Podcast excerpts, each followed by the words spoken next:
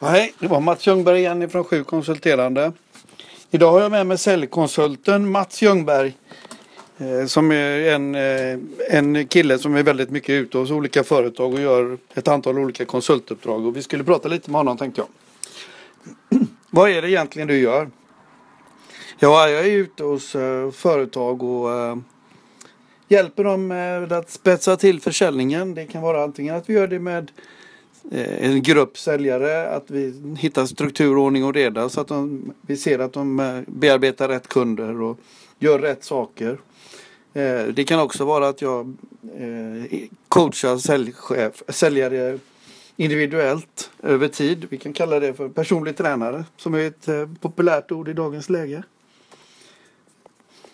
Ja, men vad okej. Okay. Hur är det, varför startade du det här företaget?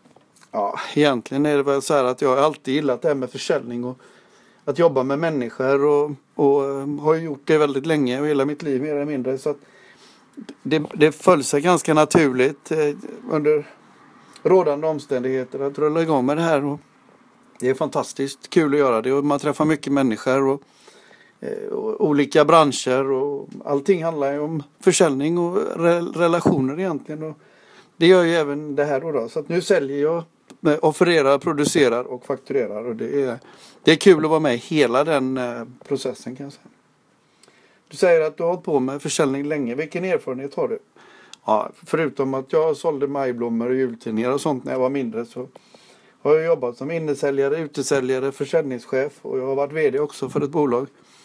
Eh, och eh, det har varit både stora och små bolag. Stora i Sverige och världen och små i Sverige, stora i världen. Så att det finns en bred erfarenhet. Och, eh, träffat många olika typer och sen bygger jag ju på. Nu har jag ju jobbat här, i, haft detta i ungefär två år. Och jag har ju byggt på med jättemycket erfarenhet av eh, olika branscher och det försöker jag ju dela med mig så mycket det bara går nu och göra det på olika sätt. Då.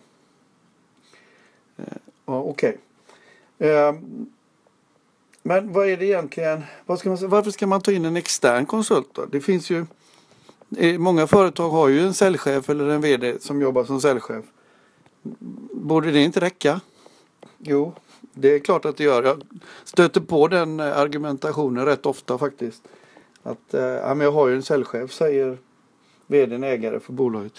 Och det är rätt, det har man. Men eh, till slut är det så här att den rösten blir väldigt vanlig också i organisationen och då behöver vi liksom spetsa till det lite grann. Och det behöver man kanske inte göra genom att sparka eh, chefen utan det räcker ju att man tar in lite extern hjälp så att säga som då kan vara i form av mig. Eh, jag brukar ju dra parallellen till idrotten. Det är ytterst sällan som det går, när det går dåligt för ett lag, när man sparkar tränaren och får effekt.